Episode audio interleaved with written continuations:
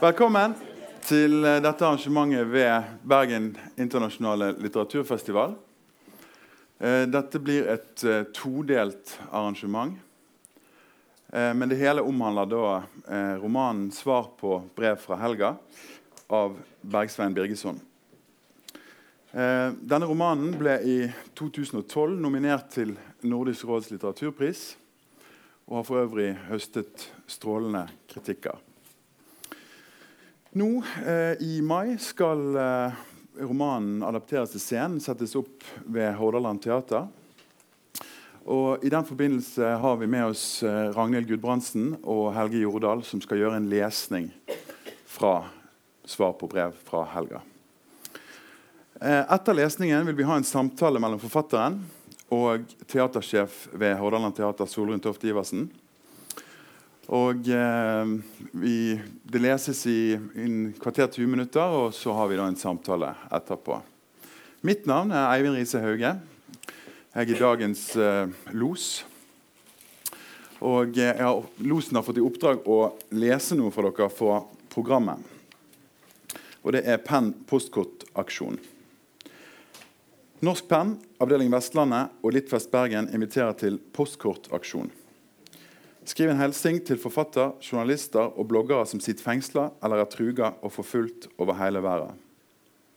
Kortaksjonen har vært gjennomført i Oslo i flere år, og nå vil vi gjøre det til en tradisjon også i Bergen. Kortet er laga av PEN-medlemmer og fribyforfattere i Norge. Og uh, dette er da i samarbeid med Norsk Penn, avdeling Vestlandet. og Dette er da åpent fra i dag fra 12 til 14, og det samme i morgen fra 12 til 14. Da vil jeg ønske velkommen eh, og ta godt imot Helge Jordal, Ragnhild Gudbrandsen, som skal gjøre en lesning for oss.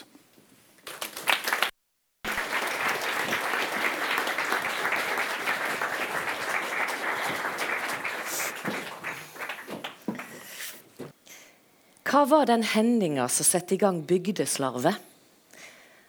Hva var det som ikke hendte på denne Lambertsmessa i 39, men som likevel hendte i hovedet til baktalerne? Var det da de andre hadde gått fram Horgdalen og var komne bak svingen ved Framneshøgda, at du skulle snike deg ned de grasvoksne bakkene til meg? Og vi skulle ha gått sammen og talast om hvor fin ull sauene kom med fra fjellet i år. Hvor lamma var drivkvite under buken, hvor velvoksne og reine de var i ulla, og at du som tilsynsmann ikke trong kvi deg for sveltefòring dette året så god som høyavlinga var. Så hadde vi sagt noen ord om springværen kut, hvor kraftig han var om bringa og velfylt om ryggen. Og da ordet hadde falt om kut, hadde den svimende blodstormen begynt å rase. Og jeg hadde rørt ved hårlokkene dine og sammenlikna dem med snøfokken nedover fjellsidene så du måtte le og si Bjarne, da? Ja.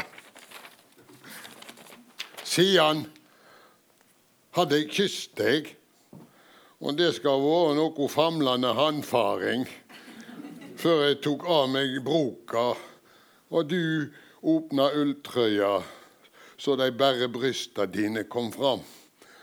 Og etter det hadde jeg latt de mjølkehvite låra mine klapse mot deg. Og... Nei, dette hendte aldri.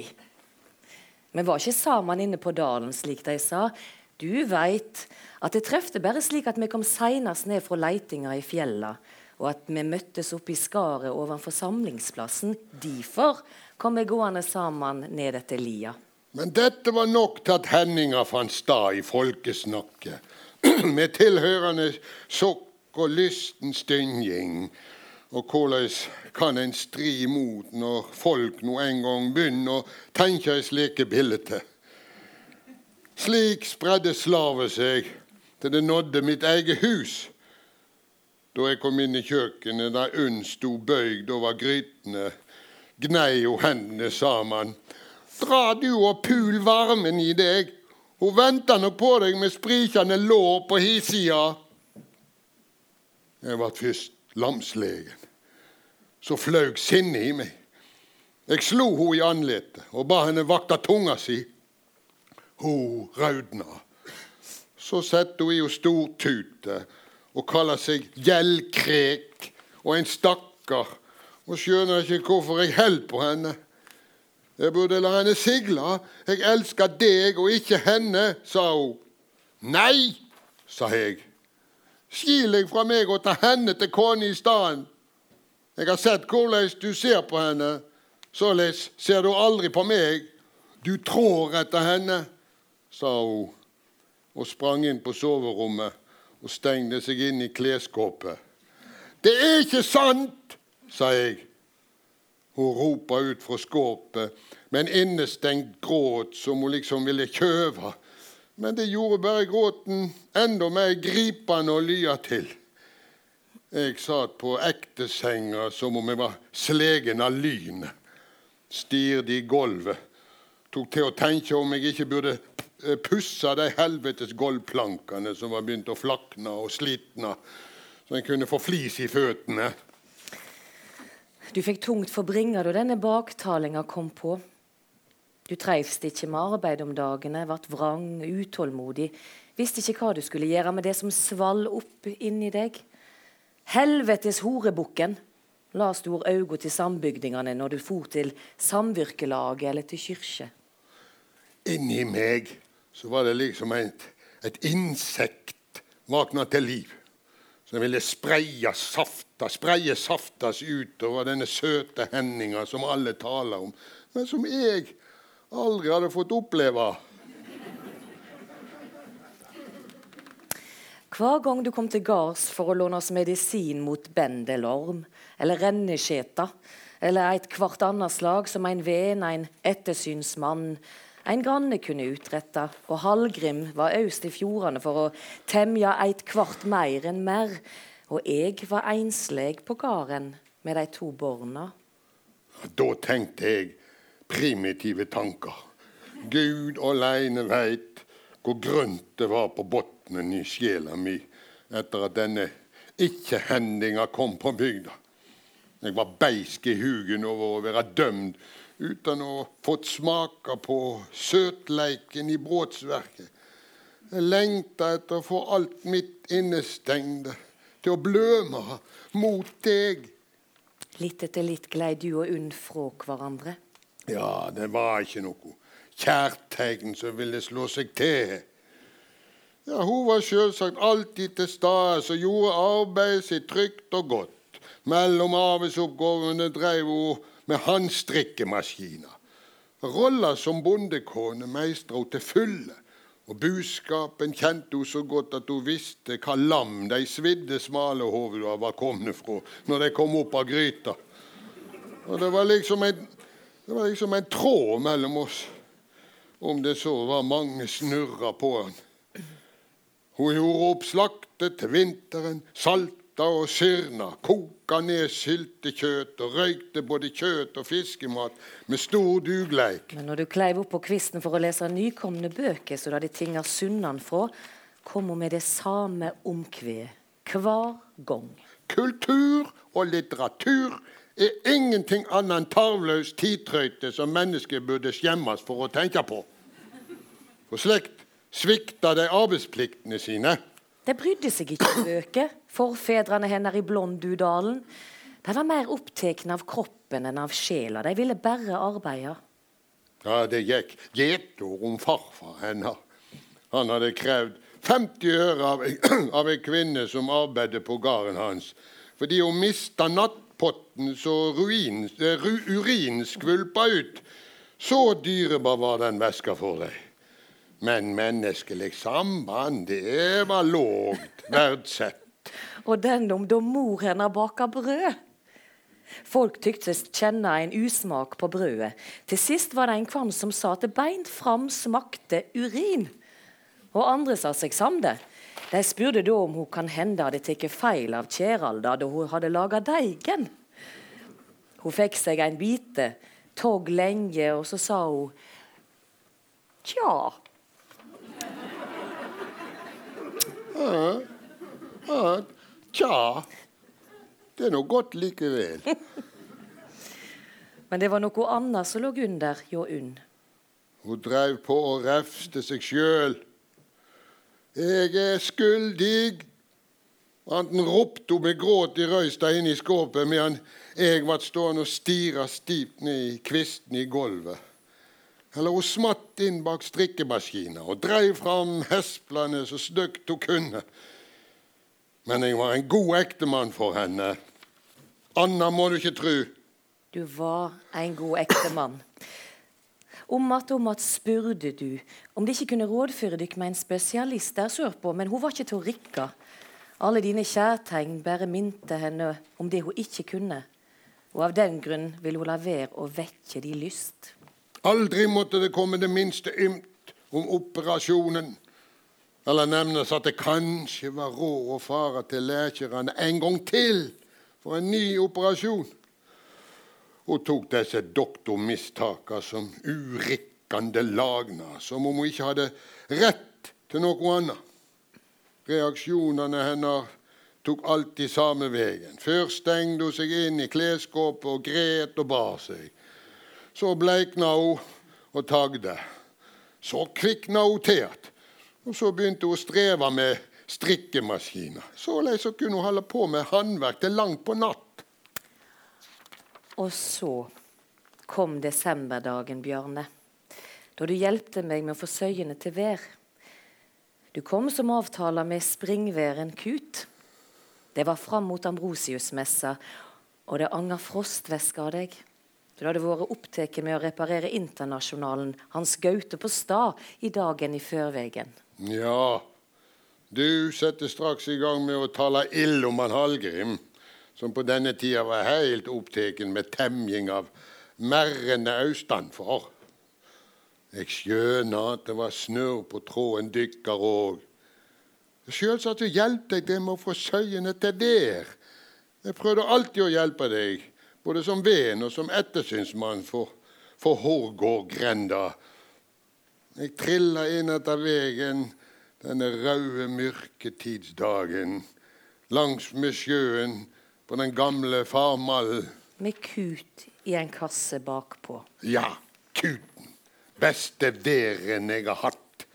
Over lamøyrene og framover grusryggene, der det aldri lå mye snø. Ut til Skorarhamrene. Framom blodbrekka, som hun heter. Der de sier at en unggutt i mellomalderen hadde skåret seg i halsen og bløtt seg i hjel med vilje. Ja, Der står det tett med timian mellom steinene. Og der det alltid kjem ei djup svevntyngsle over deg. Jeg så utover til Barnaskjæra, der ørna åt småbarn i gammel tid. De slo kloa i dem på, på bøen utenfor gardstuna. Da sto folk og ropa og gret i fjøresteinene. Medan brenningene gjorde det uro å komme ut med båt. Hvem høyrde ikke den skingrende gråten fra borna på skjæra når skodda lå tett og draget sto fra nord. Siden kjører jeg sakte vegen fram om Frøya skjole. Der menn får reisning og kvinner får erotisk dragnad i einsemd, uten mål og mening. Der, på de gamle trolldomsdagene, kjører jeg varsomt og tenkte på deg ja, det var kanskje punktet der det ikke var noen vei ende.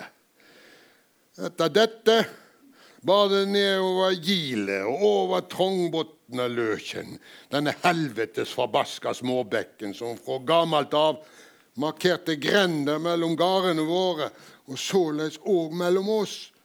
For Hadde det ikke vært for bekken, så ville Videnesåa ha ligget under Kolkustad, og da hadde Alvidra aldri vært til, og ingen Hallgrim.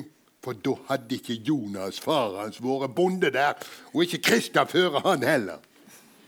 Da hadde det vært bare jeg og du, Helga mi. Du og jeg og Kolkustad. Da Kut var ferdig med å sette lam i de søyene som var paringsfuse, og sleikte salt i krybba bakom, da Da Kut var ferdig med å sette lam i de søyene som var paringsfuse, og sleikte saltet i krybba bakom, da Ja. Da kom du opp til meg og halla deg fram over grinda, slik at den møtte de hvite tuvene dine. Nei, gjorde jeg? Å ja. Og jeg, han for søyene for å kjenne hvor godt hold det var i dem. Slik som en ettersynsmann for fòret skal gjøre. Du søkte fingrene ned i den tette ulla, kjente på fyllinga i bringa, og derifra ned med sidebeina, og fant ikke noe sted noe som vanta. Siden tok du tak i ryggen og kjente etter utover veiryggen og krossryggen. Og da jeg for med fingrene etter bringebeinet, fylte du nøye med og gnukka lett brystvortene mot øverste bandet på grinda. Det gjorde jeg ikke. Å jo, det gjorde du. Og jeg tok tak i de tjukke og muskeltunge låra nedover på leggen, og så at fe var fyldig og godt kjøtsett. Og da jeg sa at de uten tvil ville klare seg godt gjennom vinteren, halla du deg fram slik at det skein i det ene brystet, og sa Du er en meister i å håndfare, Bjarne Gislason. Kan du fare med like gode hender over kvinnene, slik vi er skapte? Tja, Helga, jeg kan ikke se annet enn at du òg er fyldig og godt kjøttsett. Og før jeg visste ordet av det, så hadde jeg av rein kjete rent handa mi mot brystet ditt. Men best som jeg fomla med denne moroa, bærlagde du hele brystet, tungt og bugnende. Du får kjenne etter. Og du vart rød om kinna. Men det var ikke av skam jeg raudna. Det var rein kjærleik. Det var raud kjærleik. Lysta sprengtes inni meg. Jeg måtte rett ut i nordanvinden og kjøle meg ned. Du rava omkring på tunet som en gamal springvær som var driven bort fra søya medan leiken var heitast. Men jeg heldt mine lovnader. Du heldt dine lovnader. Enest Gud veit hvor tungt det var. Da det var sumar, svala jeg meg i bekken i svingen ved gården, Der jeg kledde meg spildrende naken for å sløkja heten i kjøttet mitt med å lauga meg i det iskalde vatnet. Før du fikk tenkt deg om, var du midt oppi den mest animalske sjølutløysinga som du kjemdes slik av. Fordi du alltid hadde kjensla av at en kvann så deg. Jeg skjønner at jeg ville tro etter deg så lenge jeg var i live. Du kveikte en eld i meg som auka og voks, og kunne verta til bål når som helst. Så jeg ei rund tuve eller en grasvaksen haug, rann linene dine sammen med dette i hugen min, så jeg ikke sanser verda i seg sjøl, men bare deg i versens former. Det er bare jeg som veit hvor Helga Tuven er her i grenda. Og når jeg dør, tar jeg dette stadnavnet med meg i grava. Disse tuvene rett sørafor i brekka ved Gongekleiv er som jordiske avstøpninger av brysta dine. Ja, rett nok større, men sjølve forma Forma er den samme, men det jamne søkket øvst og den bratte, fylte kul lengst ned, som smidd etter samme mønstre som brysta dine, av de samme skapa hendene. Hvor ofte la jeg meg ikke der med hodet mellom helgatuvene i solvind fra søraust, og innbilte meg at jeg var i din favn. Samstundes så rei du naken framom i tankene mine på en svart hest, og jeg så brysta dine duva stilt i takt med stega til hesten. Likevel holdt jeg mine lovnader. Du holdt dine lovnader. Snart at all min eld sløkt, der jeg gapa med munnen full av svart moll. Skal tro vi kjem til å tro etter deg da òg. Kanskje vert jeg draug, eller atter ganger med darrisen ute i lufta og leiter etter deg. Men jeg helt mine lovnader. Du helt dine lovnader.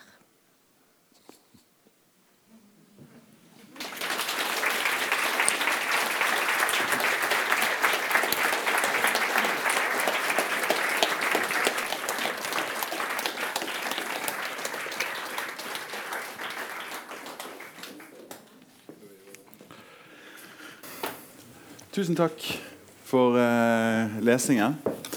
Um, jeg tenkte vi kunne begynne bare sånn med å uh, prate kanskje litt først om, om, denne romanen. da. Uh, Bergstein, hvis du skal si noe om denne romanen, hvilken roman er det? Hva, er, det en, er det en kjærlighetshistorie, eller er det noe annet? Ja, det er jo um det er kjærlighetshistorie som aldri får uh, blomstre, da, egentlig. Um, en, en, en, kjærlighet som aldri får komme ut skikkelig. Og uh, for denne her gamle uh, og som jeg liker å kalle ham halvsenile bonden, uh, får i tankene på gravebakken, da, rett og slett. Uh, men uh, det er kanskje ikke annet enn en ramme for uh, denne fortellingen som handler om et menneske for meg, da. Så nå, nå sier jeg min følelse for dette. Et menneske som har da rett og slett tatt et valg i livet som man ikke er helt forsont med, og prøver å rettferdiggjøre det, men får ikke det helt til heller og tror kanskje ikke helt på det sjøl. Og akkurat i det at han ikke får det til, så syns jeg han har en viss sånn hjelpeløshet som gjør han til litt sånn universelt menneske. Eller i hvert fall en som er lett å kjenne seg igjen i. Da, at mm. han ikke får det til. Og, og, det er det viktige med denne karakteren, syns jeg. Og, og ikke uh, ikke kanskje altså Kjærlighetshistorie er jo alltid alltid morsomme skriver, da, og spesielt de som ikke har lykkelig ende, fordi de er veldig kjedelige, synes jeg. da, og um, De har vært sagt da, helt fra middelalderen. da, De som tror på dorene, har jo holdt på med det. Og, så det er over. Men uh, jeg syns det, det, var veldig interessant å få fram da, hva, hva som skjer egentlig inni en da, når en ikke får uh, uh, levd ut det som, det som da ble eh, lagt på bordet for deg. Han, han, har jo dette sånn, dilemmaet med å, om han skal da være med henne til by, til, med Helga til byen, til Reykjavik.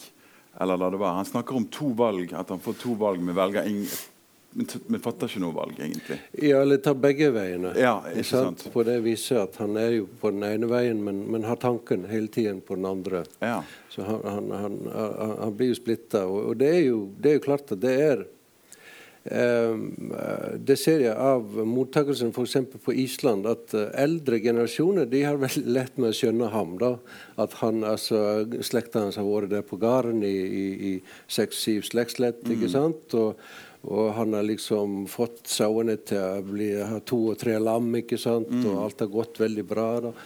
Og han har lyst til at noen tar over dette her, og, og, og, og så videre. Og, um, er liksom kjærlig med lokalhistoriske ting og, og, og sånne ting. Mm. Eh, men så skal han forlate alt dette for, mm. for en sånn usikker framtid i byen med, med en kjærlighet som eh, Ja, man vet ikke hvordan det går, og han kanskje nøler litt med det. Men, men det, det, som man ser da, er at um, eldre generasjoner skjønner hans valg litt bedre. Yngre generasjoner eh, ser litt på han mer som en taper, da, mm. som ikke får følge dette her. Det syns jeg er veldig interessant. Veldig interessant. Og det er jo... Hvordan uh, han triggererer ulike ting da, i, i, i, ulike generasjoner. Da. Nettopp. Liksom, for Han snakker vel også om at uh, han vil ikke, vil ikke, få med seg sjelen sin. Sier ikke han det direkte? Jo, egentlig. Han har ikke med sjelen til Reykjavik. Mm. Og ville det da, altså, Betyr det da at uh, Kunne man konkludere at kjærligheten i seg sjøl ikke er en sterk nok kraft til å trekke denne Bjarne til byen? Jeg, jeg tror um, Det har jo kommet fram her i samtaler med andre forfattere. Dette er veldig viktig. Da. Det er jo Tsjekhov, og det er jo en eldre tanke enn Tsjekhov, men Tsjekhov sa det veldig fint. Da. Det er jo ikke forfatterens å svare uh, på slike store spørsmål som du har stilt nå. Uh, uh, men rett og slett å stille de i en setting, slik at folk kan ta stilling til dem.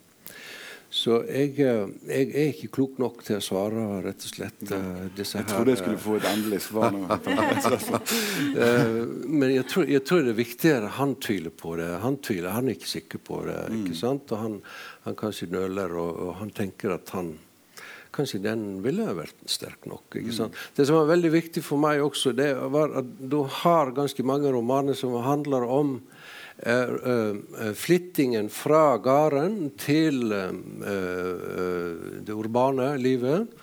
Og tape, altså, tape av mening i den prosessen og melankolien som, som kommer av det, og tenke tilbake, og nå har du liksom forlatt det livet der. Så jeg ville skrive om den som ikke reiser vekk. Mm. Og at det er like ille. Ja, nettopp. Og, så dette er the, the, human condition, som jeg ser det. ikke sant? Mm. Eh, Solrun eh, Toft Iversen, du har jo da eh, det har jo da kommet i stand nå at dette skal settes opp på Hordaland teater. Eh, det har jo også vært eh, satt opp ved flere tidligere, tidligere, anledninger, men ikke da i Norge foreløpig. Eh, hva er det som gjør at du ønsker oss å, å sette opp en eh, roman på Hordaland Teater? Hva er det som gjør, hva, hvor er, ligger appellen i dette stoffet? Um, først og fremst uh, ligger appellen i at jeg syns det er en veldig god bok som treffer meg, og som jeg kan bruke i min egen uh, livsrefleksjon. Mm. Der finner jeg en relevans som jeg tror og håper at publikummet vårt òg kan finne. Men det er jo ikke sånn nødvendigvis at fordi det er god litteratur, så er det godt materiale for en iscenesettelse. Det opplever jeg at denne historien er. Og jeg syns òg jeg sitter her og uh, ser uh, Helge og Ragnhild lese og mm. begynne å puste kjøtt og blod inn i dette. Mm. Uh, så gir det meg en, en styrka formodning om det. Og jeg syns det handler akkurat om den aktiviteten eller det der som er unsettled i det på en eller annen måte, som du beskriver òg, Bergsvein, eh, som er veldig veldig allmennmenneskelig, men som òg gjør at en hele tida liksom er nødt til å forholde seg mm. sammen med Bjarne til dette her. Mm. Og det fins eh, ikke noen svar i det. Mm. Eh, dette valget som du beskriver, og måten han sier at han gikk begge veiene Jeg tror vi alle har sånne valg inni oss, mm. eh, og er produkt av det. Eh, vi er ikke bare produkt av det vi har lagt bak oss, men kanskje det vi ikke greier å legge bak oss. Mm. Og, og, at det er en livsoppgave for oss alle, tror jeg, å, å forsvare de valgene. Mm. Og Stig Amdam, som har regi på dette her, han satt og pratet med Helge Jordal en dag og sa men Helge, det er jo en dåres forsvarstale, dette her. Egentlig. Eh, og jeg, som kvinne, syns av og til at Bjarne er en torsk òg. Ja. ja. Takk skal du ha. Så det er en aktivitet i dette her. ikke sant? Og det, gir oss lyst til å jobbe med det på scenen òg. Um, så kan jeg kanskje legge til at jo, der er gjort sceniske versjoner av dette før. En, en på Island ikke sant, med fem personer? Eller? Ja, seks skuespillere, ja. tror jeg det var. Ja. Også i, i, Danmark og Frankrike har det vært monologer da, med eldre karer da, med sauefell på skulderen, som ja. forteller historien. Uh, kjærlighetshistorien, vil si. Um, som har da strippa helt fra den kulturelle konteksten. Altså, det er jo viktig da, i dette her da, da, Jeg har litt lyst til å prøve å vise en sånn, en sånn mennesketype. da, som jeg syns er på vei vekk. Um, uh, og uh, jeg er da vokst opp da, til dels på, på bygda og vokst opp med bønder som f.eks. leste bøker. Dette må jeg liksom argumentere for at finnes, mm. både i Frankrike og Spania. fordi det er liksom det er person, det er de som liksom jobber med jorda. De, de tenker ikke de bare skaffer. Så det har vært veldig interessant å, å, å, å se hvordan uh, forskjellige kulturer tar imot dette her. Uh, Folk men, tror, tror de ikke på deg, på en måte? Nei, nei, det er liksom ja. og, og, man har hørt liksom romantisering osv. Mm. Det, det er ikke det. For meg er denne, denne her uh, bonden lagd av ca. fire-fem uh, bønder som jeg har kjent personlig. Mm. Mm. Og, og, som var veldig begavede og intellektuelle, selv om de ikke hadde kanskje lest ikke sant, eh, som en, en akademiker, eller noe mm. sånt, så, så, hadde de sånn skarpt uh, syn da, som stammer fra rett og slett å holde på med praktiske ting mm. hele tida. Mm. Og det er en viss uh, intelligens da, som utvikles med det. Uh, og, og en egen mening, da, mm. som man har, om, om, og ikke rett for å si det. Og, og det syns jeg også er litt sånn uh, Selv om det ikke er sant, du kan dekonstruere den meningen, og sånt, så, så, er det noe veldig fint med et menneske som har uh, eh, danna seg en mening, mm. og som du ser og tror på den meninga og følger den. da, Uh, det det, det syns jeg er skjønt. Og, og, og jeg, jeg, er ikke sikker på at uh, den her uh, eller, Nå skal jeg ikke være pessimistisk, da, men, eh, men eh, jeg syns det var viktig å få fram denne, denne personen, da, eller dette persontrekket. Da. Mm. Så han er litt sånn uh, ja, Han litt ser, da, og, og, han går sine egne veier, mm. rett og slett. Original på mange mm. måter, da, syns jeg. Da. Ja, jeg må si noe, jeg også. Mm. Vi nå tenker vi Island hele tiden. Jeg har reist masse i dette landet. Og det er altså Hele Distrikts-Norge er full av sånne menn. Ja. Som, eh, det er ikke urbane Bergen og Oslo sånn, som har den problemstillingen i noe særlig vesentlig grad. Men rundt i distriktet er det mange sånne folk som sliter med kjærlighetens vilkår og hvordan det skal gå med gården og fremtiden. og Man er med seg, Det kommer en ny tid. Hele, så jeg gleder meg til å reise. Vi skal jo reise på turné med dette, ser det ut til nå også. Mm. Så det gleder jeg meg til. Mm. Fordi at eh, der er sånne bønder. Jeg kjenner flere. Ja. I Sogndal, f.eks. I, i, i Ja, OK. Ja. men, men, det er jo noe i det der veldig spesifikke eh, Den kulturen du beskriver i boka, landskap og sånn, så er det veldig mye der som, ja, som vi har kjent oss igjen i da, når vi mhm. jobber med stoffet nå. Eh, og kanskje òg i det der lynnet og den oppfatninga av mening som, som, handler om å ha røtter en plass, og, mm. og være knytta til, uh, til, et landskap og til en, en, tradisjon. Det er veldig mye vestnorsk i dag. Ja. Uh, uh, jeg, jeg, tror at vi har mm. Du opplever det ofte i, i forhold til, mm. ikke bare språkmessig, men kulturmessig, litterært, mm. at der er, der er møtepunkt imellom det islandske og det vestnorske som det er en sånn felles klangbunn på en eller annen måte. Mm. Mm. Hvordan, altså, hvordan, arbeider man med hvordan er selve, selve prosessen vært? dette med å, med å adaptere det? For, altså, når, når, du skrev romanen, så du på noe tidspunkt for deg at dette kan fort bli teater?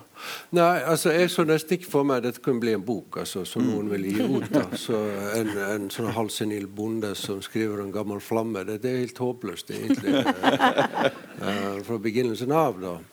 Uh, så når de kontaktet meg på Island i sin tid og ville lage teater av dette her, så uh, Det var faktisk begge de to store som samtidig tok kontakt. Og, og, og det første jeg sa, var det er ikke mulig.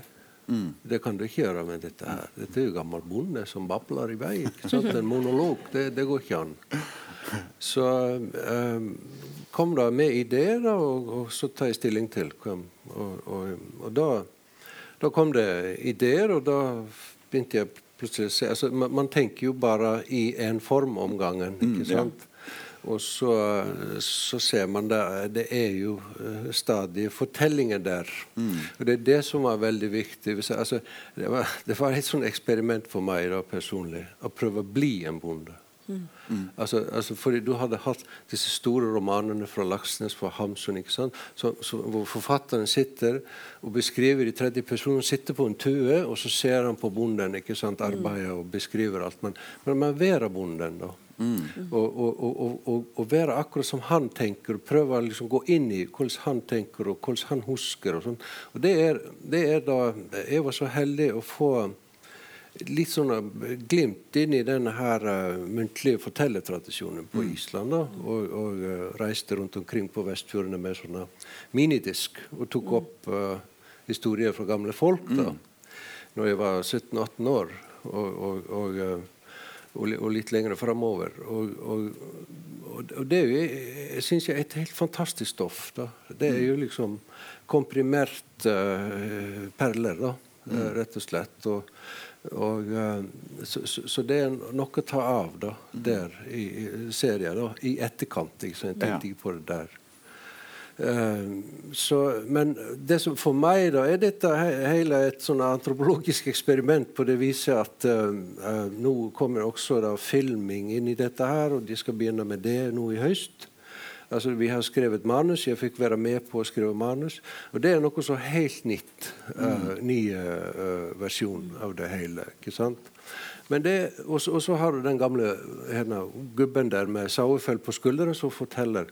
Altså, alt er dette sånne, for meg versjoner som jeg synes er likeverdige. Altså, hva, hva, folk velger å løfte fram i den historien. Det er veldig forskjellige valg. Og her ser jeg veldig fram til dette. her. Jeg ser sånn kimen i en veldig morsom gnisning da, mellom mm. disse to ja. minnene som kjemper. Da. Hva var det rette? Hva er hans fantasi? Og, ja. og så videre. Da kommer vi inn på dette med at Uh, som de har bevist nå, ikke sant? At, uh, at minnet er på samme sted i hjernen hvor fantasien er. ikke sant? Mm, mm. Så så det er et veldig interessant utgangspunkt for uh, hva som er sant. Ja, for det jo, gjør det jo heller upålitelig, sant, uh, minnet. Det, det, det. Og, men uh, når, når, dere har arbeidet med det, hvordan har den prosessen foregått? Har det, vært, har det vært vanskelig å finne formen? altså Hvordan man rent praktisk skulle løse dette? All den tid det er jo ett brev, mm. en, en, hans beretning man hører. Mm. Um, Nei, jeg vil ikke si det egentlig var vanskelig, men det starta jo med et valg. Mm. Eller altså et fokus, på en eller annen måte. Jeg husker en veldig tidlig samtale vi to hadde, Bergsveien, så var det mm. nettopp dette her med Ja, men hvem eier den fortellingen? De er, de er mm. to stykker som er parter i det. Og, og, hva er rett, og hva er riktig? Og jeg syns det var interessant å gjøre dette her ikke til en monolog, men til en duett der Helga er til stede òg, eh, som et livsvitne for Bjarne, og som en implisert i denne fortellingen han prøver å stykke sammen for å mm. Kanskje for å kunne leve med det valget han tok eller ikke tok. ikke sant? Mm. Så, så, det var ganske tidlig klart for meg at når jeg skulle sette sammen et kunstnerisk lag til å gjøre dette, så ville jeg at det skulle være to skuespillere og jeg ville at Helga skulle være til stede i dette. Og kanskje til og med være en som hjalp Bjarne i å se det store prosjektet til endes og faktisk få forholde seg til denne historien. Mm. Eh, og når jeg liksom fant ut det, mm. så begynte jeg å snakke med, med Stig, som sitter veldig distré helt bak i rommet her, men med oss. Eh, og som nå er nesten ferdig med manuset. Vi har samtalt veldig masse om det. Eh, og Stig og meg var veldig enige veldig fort i at det var Helge og Ragnhild som skulle gjøre det. Og det er ikke heller uten ha betydning for utviklingen mm, av mm. et sånt prosjekt. Mm. Eh, fordi vi kjenner dem, vi kjenner deres hjerter og deres formidlingsevne og deres sceniske intelligens. Og det kommer med inn i potten. Mm. Så vi utvikler egentlig fortellergrepet veldig basert på at vi har disse veldig, to veldig gode skuespillerne. Og vi har en tro på at det er en dualitet, eller det finner vi i hvert fall, eller jeg i hvert fall, i, i mm. stoffet ditt, Bergsvenn. En, en, veldig dualitet i dette med hvor etterrettelig er det, hvor, ja. hvor sant er det, hva har vi bruk for å tro på og huske? Mm. Eh, og var det nå egentlig sånn? Mm. Eh, det syns jeg er spennende. Ja, jeg, eh, det første forslaget som kom fra Island, var at det skulle være to uh, bjørner på scenen samtidig. Mm. Fordi det er jo en 40-åring der, mm. og så en gammel mann som ja. husker dette her. Og Det fine ved Helge er at jeg synes han er liksom begge deler da, samtidig. Ja, ja. Liksom, det er det spesielle. Han er både ung og, litt, litt, gammel. Ung og gammel. Så han, han er, Det er sant. Ja. Passer veldig godt til, til denne rollen her. Mm. Men Hva tenker du om det at, eh, at, eh, Helga får komme til orde. Det er jo på en måte en det, det, på en måte bryter jo litt med, med, teksten. ikke sant? Hun er jo kun Så vidt vi vet, jo, finnes jo hun kun i hans beretning. Mm -hmm. Ja, Finnes hun overhodet? Ja, det kan du spørre om. Han er jo senil. Så, ja. ja, ja. Uh, det, det syns jeg var et veldig uh, ønsket grep. da. Mm. Og, og, jeg ble veldig glad når Solrun kom inn på dette her og, og, og begynte å jobbe ut fra dette. Fordi um, da får det en sånn litt ekstra uh, eksistensiell dimensjon inn i det hele. Mm. Mm. Som nemlig handler om dette som har vært snakka om her før. Eh, hvem egentlig eier eh, den rette historien, den sanne historien? Hva er det som egentlig skjedde, og hva var? Og, eh, og det å få i gang en dialog, eller, eller hva du vil kalle det, krangel eller, mm. eller gnisninger mellom disse to, er jo, er jo helt uh, enestående fint. Mm. For, for, for, altså fin dimensjon på denne her historien. Fordi hun som sagt, er jo et objekt der hun får aldri komme til. ikke sant? Mm. Og eh, Samme med egentlig under. Mm. Som er kona til Bjarne, mm. som vi ikke ser. og det, det, var litt sånn interessant å se det i, i f.eks. skuespillet på Island. Så egentlig stjal hun scenen. Mm. Ah. Så kom hun uh, veldig sterkt fram. Det, men det var jo litt med vilje, da, at, uh, med dette at uh, du ser jo ikke eh, Eller du ser aldri veldig godt de som er kanskje står deg absolutt nærmest. Altså, mm. Eller det er ikke nødvendig å være snakk om de så mye. Mm. Men der i, eh, der i eh, skuespillet på Island så kom hun veldig sterkt fram. Og da ser man at det er jo hun som bærer opp hele greia mm. og gården når han begynner å drikke og, mm. og, og, og, og barme seg. ikke sant? Så så jeg syns jeg, jeg, eh, tar dette veldig godt imot. Jeg er veldig glad for å se alltid nye versjoner. Dette blir en mm. splitter ny versjon på denne mm. historien. Ja. Og, og, og, jeg kan ikke være annet enn en, en veldig glad og, og gleder meg veldig til å se det. Da, ja. Det er jo interessant at uh, det er jo en roman på 100 sider, sånn uh, godt og vel. Og eh, at den nå, eh, Det er en god del år siden han kom ut, og at han fortsetter da å leve. Så det må jo, det må jo ha en, en uh, appell hos folk. da. Se her, Det sitter jo masse folk her og hører ja, på. Hvor kommer de fra? Ja, ja. Hvem er de alle sammen? Ja. Men det er, jo, det er, jo, tydeligvis noe som går, går inn til folk. da. Det er et eller annet med, med skikkelsen som, som folk Det er en gjenkjennelse, som du var inne på mm. tidligere i skikkelsen. da. Og, eh, og hva, er, hva, tenker dere at denne gjenkjennelsen Hva, hva består den i, egentlig? Hvorfor, hvorfor, eh, hvorfor tror vi på Bjarne?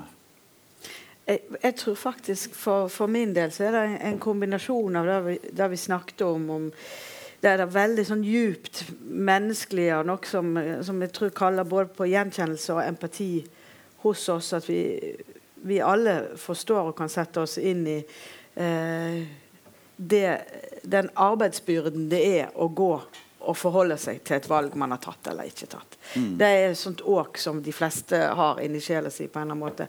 Men så tror jeg faktisk konteksten med kulturen og naturen i det òg gjør at det snakker til oss på et enda stødigere og sterkere grunnlag. Mm. Og mm. for meg reiser det noen spørsmål om kjærlighet som ikke bare er isolert inni den bobla at uh, det skjer noe mellom to mennesker mm. her og nå. En dragning, en kjemi. Uh, mm. Oppstår lengsler drømmer som kanskje fordi de ikke, ikke blir forløst, dermed foredla. Men i tillegg til det så er det uh, når vi faller for noen, eller når vi gir hjertet vårt til noen hva er det da? Er det liksom deres begjær etter oss vi vil ha mm. og samle på? Mm. Eller er det hele mannen? F.eks. Bjarne. Hvem er Bjarne i Reykjavik? Mm. Eh, altså Helga snakker om eh, hvordan han er som, eh, som, tilsynsmann. Hvor dyktig han håndfarer disse sauene. Han er en, eh, en mann som hører til å blomstre i mm. kraft av den rolla han er der, da. Mm. Eh, og, og, det, det, det syns jeg er et sånn ekstra spennende aspekt med denne kjærlighetshistorien. Eh, for ofte så tenker vi at historien slutter med at man bare får hverandre. Mm. Men, men er, vi, vi, er jo mer enn den lengsel etter den ene personen. Eh, Og det syns jeg kommer så tydelig fram når, når, vi snakker om Bjarne, ikke sant, Helge? Eh, at, eh, at, at du, du, eller din karakter er òg mer enn din attrå etter Helga. Du er hele det livet og den meninga du opplever med det i, på Kolkestad. Mm. Masse så bygden så ja. de rundt han trenger. Ja. Ja, han, er, han, er, ledende antagelig innenfor sauer og bruk, hvordan å driver med sau og mm. landbruk der antagelig. Mm.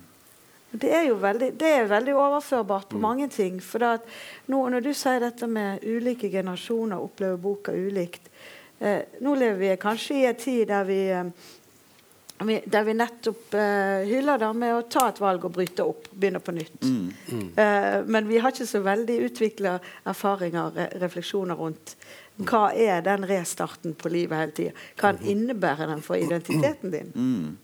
Og Det er veldig interessant et uh, element dette med at et menneske er bundet til et sted, mm. som Bjarne er. Mm. Han sier jo uh, også at han vil komme til å lengte hvis han drar. Så vil han komme til å lengte hjem. Det vil skje. Han, han, er, han er, så sterkt bundet til stedet. altså Hans identitet mm. ligger, er, altså Deler av den ligger også i plassen mm. og arbeidet mm. som han gjør der. Og han vil ikke kunne gjøre det samme arbeidet i Reykjavik osv. Det er jo et uh, interessant element ved, ved, ved oss, og, og, i dette tilfellet ved skikkelsen Bjarne. Ja, jeg, jeg um, er litt sånn heldig med det at jeg har fått litt sånn blikk på dette her som kanskje gjelder at, at Eh, jeg har vokst opp delvis i, ut på landet, på bygda hos besteforeldrene mine, og så, så, delvis i en bykultur. Mm. Så, så jeg, jeg, pleier å si at jeg vokste opp i, i, i to kulturer, rett og mm. slett. Mm. Altså. Og jeg, jeg, tror de som er i bygda, de kanskje tenker ikke så mye eh, kanskje alltid på dette med identitet før de kommer inn i en annen kontekst, eller før de blir pressa inn i en annen kontekst. Mm. ikke sant? Eller ditt og ditt. Og, og det er sånne, litt sånn ubesvart for meg altså, hvor, hvor stor um, hva er større krefter, egentlig? Identiteten eller mm. kjærligheten her i dette her? Og mm. hvis du skal forlate det ene, hva skal du da elske med? Mm. Hva skal du ha med deg? Mm. Um, så, så for meg altså, så, så, Igjen sier jeg jeg er ikke klok nok til å svare på disse spørsmålene. Det kan jeg ikke. Men, men jeg prøver å brette de ord. Ja. Og, og, jeg syns de er Men det er det som gjør de, de er veldig aktuelle. ikke sant? Det er jo fraflytting, det er jo absolutt fraflytting her i, i, i, i Norge også. Mm. ikke sant? Fra de minner. Det er jo økonomien som presser folk, og det er det samme som skjer kanskje med litt mer fart på Island, egentlig. Ja. Uh, og da, da har, du, har, du, hele bygder som legges øde, uh, mm. og har gjort det siden denne her pengekulturen kom inn til ja. Island. på og nå, nå, nå, som du også skal jeg bare, bare litt nysgjerrig på det med filmatiseringen av disse tingene. Sant? Det er jo bare enda en, enda en ny versjon av, eh, av denne romanen. Eh, kan du røpe noe om eh, hvor og når og, og hvordan det skal gjøres? Um, ja, altså, nei, ikke kan jeg røpe så mye der, kanskje. Men jeg var uh, var så heldig å få være med da, en annen veldig flink eh, drama, drama, eller manusforfatter. da. Og, eh, og, og, lærte da denne kunsten eh, som er litt sånn fremmed for en forfatter, egentlig. Vil si at uh, du, kan ikke, du kan ikke si en drit, egentlig. Du må vise mm. alt. Ja. ikke sant? Skal du vise et konservativt menneske, så må du vise han setter tøflene sine på det samme stedet. ikke mm. sant, og så videre. Og det, det, er liksom en helt annen ny uh, måte å tenke på og formidle en historie på. Og det var, For meg var det veldig givende. Det er en uh, ung regissør som heter Asa Helga Hjølufsdottir. Hun har også vokst opp i to kulturer. Um, på den ene siden i Brooklyn, og på den andre siden på en gard på Island. Sauegard på Island. Så hun har fått uh, spennet i seg, uh, og, og, tror jeg uh, knytter seg godt til det. Uh, hatt sine kjærlighetssorger, har jeg skjønt. og, og kan, kan altså for, for, henne var dette et personlig prosjekt, har jeg skjønt, som mm. hun lyst til å gjøre. Og, og, de skal da i gang. De har fått uh, penger fra Island, og så er de i produksjonsprosess uh, uh, og skal begynne i høst. da, mm. alt. Men altså, bare tilbake til dette med kjærligheten. Og, og, og, at jeg syns det var også veldig viktig for meg. da, det var ikke dvele bare i selve kjærlighetshistorien, men, men, på en måte um, uh, viser hvordan den filtreres gjennom uh, hans tekster. Hvordan mm. han maler fanen på veggen i Reykjavik på den ene sida, mm. og så den morsomme uh, reisen der til nord, mm. hvor du har dette nydelige ekteparet som elsket hverandre i, i 60 år, mm. og, og, og, hvor han egentlig sier vi kunne ha hatt det sånn. Og, ja. og, og, det er egentlig det som jeg er sånn mest interessert i. altså hvordan hvordan ting filtrerer seg gjennom menneskesinnet, og, og hva som, hva som uh, egentlig uh, Riktig. Uh, den, og den kjærlighetshistorien med disse gjennom 60 år den er jo en artig historie. Kan du fortelle hva, han, hva som skjer der, Bergsvein? Nei, altså det er da um, fra, da, Og da begynner, her begynner da virkeligheten å ta over litt uh, fantasien, eller uh, slå ut uh, ymse ting. Dette er da muntlige sang som jeg hørte når jeg samla på uh, sagn der på Vestfjordene og hørte gamle fiskere fortelle om at der nordpå i gamle dager så røykte de folk. ikke sant? Mm. Så eh, jeg begynte å grave i dette her, og uh, fant da ut at siste gang dette ble gjort, det var på 1930-tallet. Da bonden på en gard som het, eller fjord som heter Bålungarvik, altså det på Bålungarvik på Strander, Eh, eh, var så hensynsløs å dø midt i jula. Da.